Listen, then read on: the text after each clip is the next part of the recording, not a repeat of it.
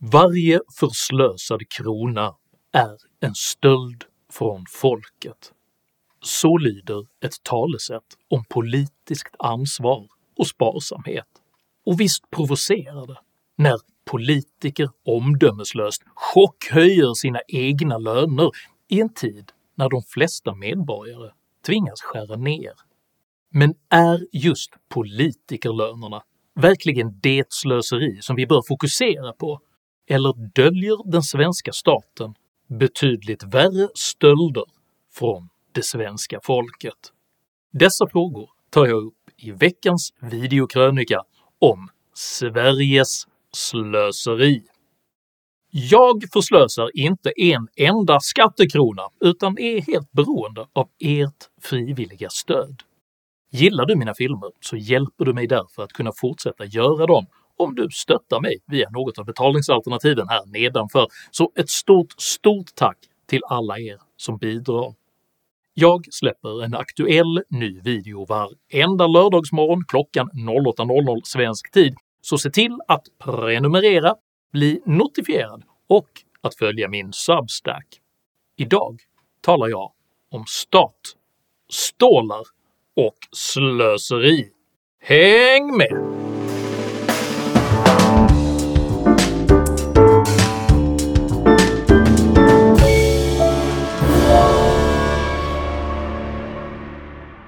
I verket “Det romerska rikets nedgång och fall” från 1776 noterar historikern Edward Gibbons.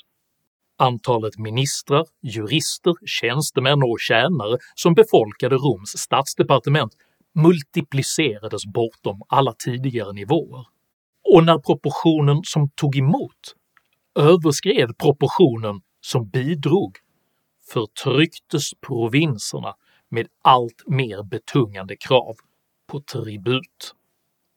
Denna typ av provocerande byråkratisk tillväxt är tidlös och uttrycktes i Sverige så sent som i förra veckan när Norrtäljes nya styre försökte höja sina egna löner med nästan 30%. Medierna gav snabbt kommunstyrelsen ett rättmätigt slag på handen och vice ordförande Staffan Körnhammar gjorde TV-historia genom att stå svarslös i 27 evighetslånga sekunder. Fanns det inte andra lönekuvert eller andra verksamheter att stoppa de här pengarna i?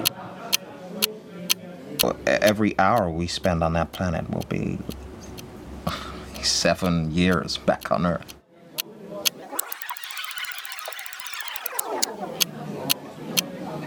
Det är ju alltid en fråga om prioriteringar. Reaktionerna på beslutet om lönehöjningarna blev förutsägbart starka. Så här kan man bara inte använda kommunens skattepengar på det här sättet. Vem sjutton får löneförhöjningar i den proportionen? Skamligt. Jättedåligt. Huvudlös. Men så sent ikväll kom alltså beskedet från Norrtälje-moderaterna att man tagit stort intryck av den skarpa kritiken och att man nu väljer att riva upp beslutet. Det är välkommet att Sveriges befolkning börjar protestera mot skatteslöseri. Men även om Norrtäljes kommunstyrelse hanterade denna situation både tondövt och klumpigt så hade ändå inte deras löneökningar varit mer än en mikroskopisk droppe i ett enormt hav av slöseri.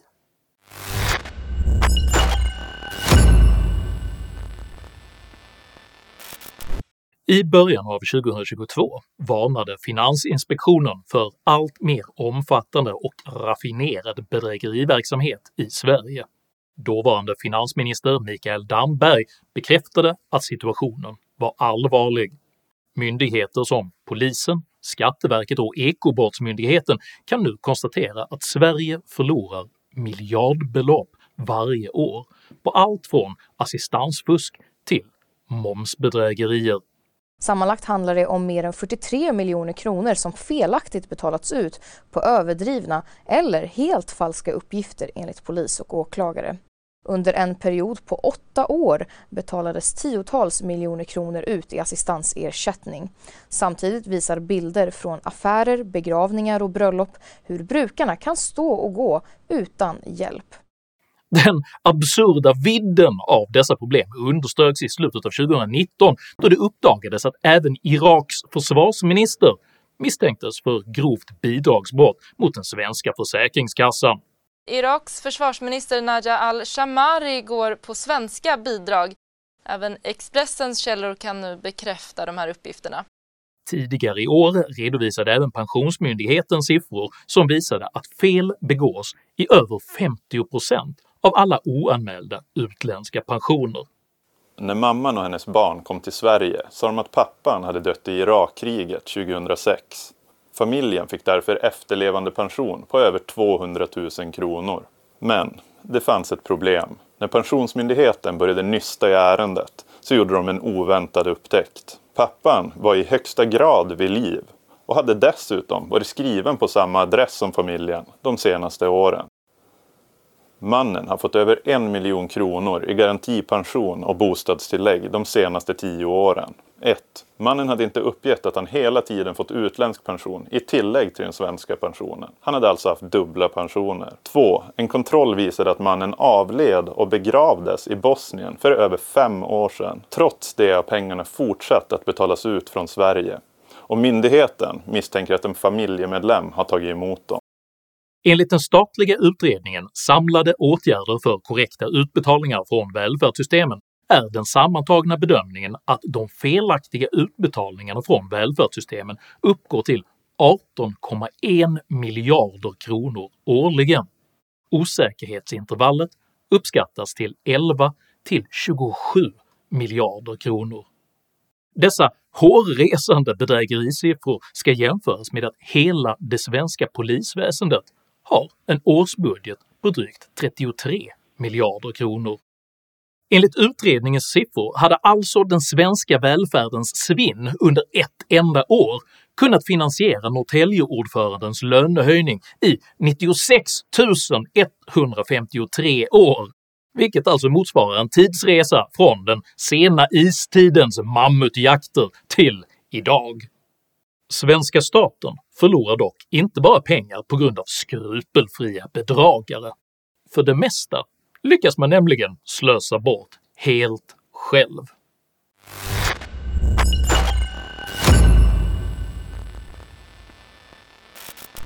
Varje år delar svenska staten ut miljardbelopp i olika typer av stöd till näringslivet.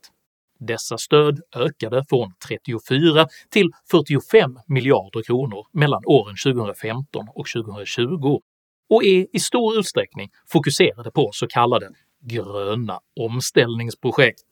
Samtidigt visar den statliga förvaltningsmyndigheten Tillväxtanalys egen utvärdering entydigt att dessa stöd inte gör någon nytta det går inte att påvisa någon signifikant koppling mellan erhållande av stöd och företagens omsättning, varken på kort eller lång sikt.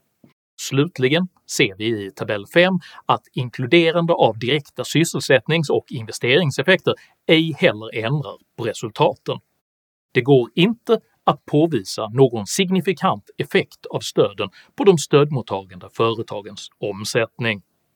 Däremot går det att identifiera flera direkt kontraproduktiva ekonomiska konsekvenser av statens stödpolitik. Skattebetalarnas rapport “Den industripolitiska återvändsgränden 2.0” fastslår exempelvis den mest skadliga industripolitiken, så kallade “green deals”, är också den formen av stödpolitik som växt mest såväl i popularitet som i anslag under det senaste decenniet, de gröna bubblorna har i flera kommuner utvecklats till svarta hål och miljardskulder. Exemplen på denna förment gröna kapitalförstöring är många. Gävleborgs län beslutade till exempel nyligen att sälja sin olönsamma och kraftigt bidragsdopade satsning på vindkraft till en förlust på 120 miljoner skattekronor. På liknande sätt tvingades nyligen det kommunala energibolaget Göteborg Energi att lägga ner sin stödfinansierade satsning på grön Gobigas till en förlust på nära 2 miljarder kronor. Ett tredje exempel är hur Örnsköldsviks bidragsstödda investering i grön etanolproduktion orsakade kommunen så kolossala förluster att det har lett till att man nu, med en samlad skuld på runt 4 miljarder kronor, blivit en av Sveriges mest skuldtyngda kommuner. Liknande projekt bedrivs just nu runt om i hela Sverige av kommuner som med bidrag uppmuntras att ta enorma risker för att bli världsledande, generera hållbar tillväxt och skapa gröna jobb genom dåligt underbyggda högrisksatsningar. Faktum är att dessa bevisligen kontraproduktiva stöd på bara ett enda år skulle ha kunnat finansiera Norrtäljeordförandens lönehöjning under 160 256 års tid, vilket alltså hade räckt för att till fots besöka varenda ort i Sverige och hålla ett tal om ekonomiskt ansvar.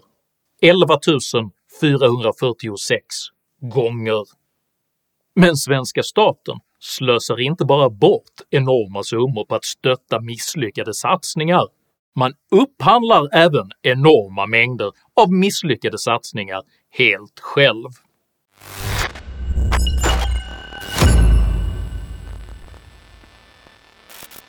Varje år köper det offentliga varor och tjänster för över 800 miljarder kronor från privata leverantörer.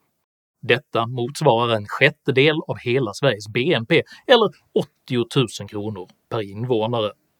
Enligt Svenskt Näringslivs siffror förlorar Sverige mellan 70 och 100 miljarder kronor årligen på grund av misslyckade upphandlingar, bland annat för att de offentliga beställarna inte klarar att sköta uppdragen korrekt. Lagen säger att kommuner och landsting ska ha god ekonomisk hushållning i sin verksamhet, men enligt arbetsgivarorganisationen görs mängder med usla inköp med dålig kontroll uppföljning och bristfällig konkurrens. År 2013 satsade till exempel Arbetsförmedlingen 100 miljoner kronor på att ta fram en mer förtroendeingivande webbsida. Efter tre års arbete konstaterade man att man underskattat de tekniska utmaningarna och att man trots de stora kostnaderna inte kunde lansera någon ny webbsida alls. På motsvarande sätt avbröt Polismyndigheten år 2014 sin mångåriga och 300 miljoner kronor dyra satsning på utredningsverktyget PustSibel eftersom det fungerade så illa att det bedömdes vara obrukbart. År 2016 avbröt Försäkringskassan ett assistansersättningsprojekt värt 81 miljoner kronor, vilket Ekonomistaben kommenterade med orden för 5-6 år sedan hade vi ett projekt kring gemensam kundbild som misslyckades. Där fick vi skriva av 200 miljoner kronor. I det här sammanhanget är det faktiskt relativt sett inte så stora pengar. 2018 avbröt E-hälsomyndigheten ett 6 år långt och 140 miljoner kronor dyrt hälsodataprojekt efter att en granskning hade upptäckt att systemets själva syfte stred mot EUs personuppgiftslagar. År 2021 stoppades Stockholms stads omsorgsplattform Esset utan att någonsin ha använts till en kostnad på 296 miljoner kronor. Detta är bara ett axplock, och Svensk Näringslivs estimat på 100 miljarder kronor i misslyckade årliga upphandlingar motsvarar alltså en finansiering av Norrtäljeordförandens lönehöjning i 356 125 år. Varje år! För att sätta detta i perspektiv så hade alltså Norrtäljes kommunordförande med rådande raketteknologi hunnit färdas till stjärnsystemet Sirius och tillbaka igen utan att löneökningen skulle ha tagit slut för bara de pengar som Sverige beräknas förlora i misslyckade upphandlingar. Varje år!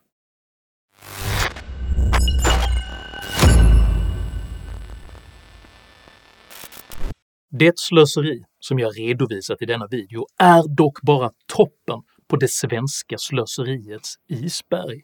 Från myndighetsreklam, kommunikatörer och genusobservatörer till föreningsbedrägerier, skrytprojekt och stöd till religiösa extremister läcker den svenska staten pengar som ett såll i precis alla riktningar. Detta slöseri är sorgligt att bevittna och borde få vem som helst att ryta ifrån när statsmakten plötsligt påstår sig behöva höja de svenska skatterna ytterligare för att kunna fullfölja det som faktiskt är dess kärnuppdrag. Jag säger inte att det inte är både taktlöst, tondövt och provocerande när politiker plötsligt chockhöjer sina egna löner, utlöser extra stora fallskärmsavtal eller pausar sin föräldraledighet medan riksdagen har sommarstängt för att kunna maximera välfärdssystemens utdelning. Men det kanske kan vara värt några extra tusenlappar att anställa folk som är lite bättre på att hålla i de pengar man faktiskt har. För det är dina pengar, mina pengar, våra pengar som vi tillsammans har arbetat ihop som förslösas på detta absurda sätt. Så min uppmaning är att rikta din vrede åt rätt håll, mot den stat där varje förslösad skattekrona borde ses som en stöld från folket. Och som vi lär av det romerska kejsardömet leder ytterst ett växande gap mellan de som tar emot och de som bidrar till att hela imperiet rasar samman. Om du uppskattade innehållet i denna video så hjälper det mycket om du delar den med dina vänner och kanske till och med stöttar mitt arbete via något av betalningsalternativen här nedanför. Dela även gärna med dig av dina egna åsikter och erfarenheter i kommentarsfältet, men jag ber dig att alltid vara artig. Jag accepterar inte aggression, personpåhopp eller rasism i mina idédrivna kommentarsfält. Tack för att du som kommenterar respekterar detta. Jag heter Henrik Jönsson och jag vill sänka både slöseriet och skatterna. Tack för mig och tack för att du har lyssnat.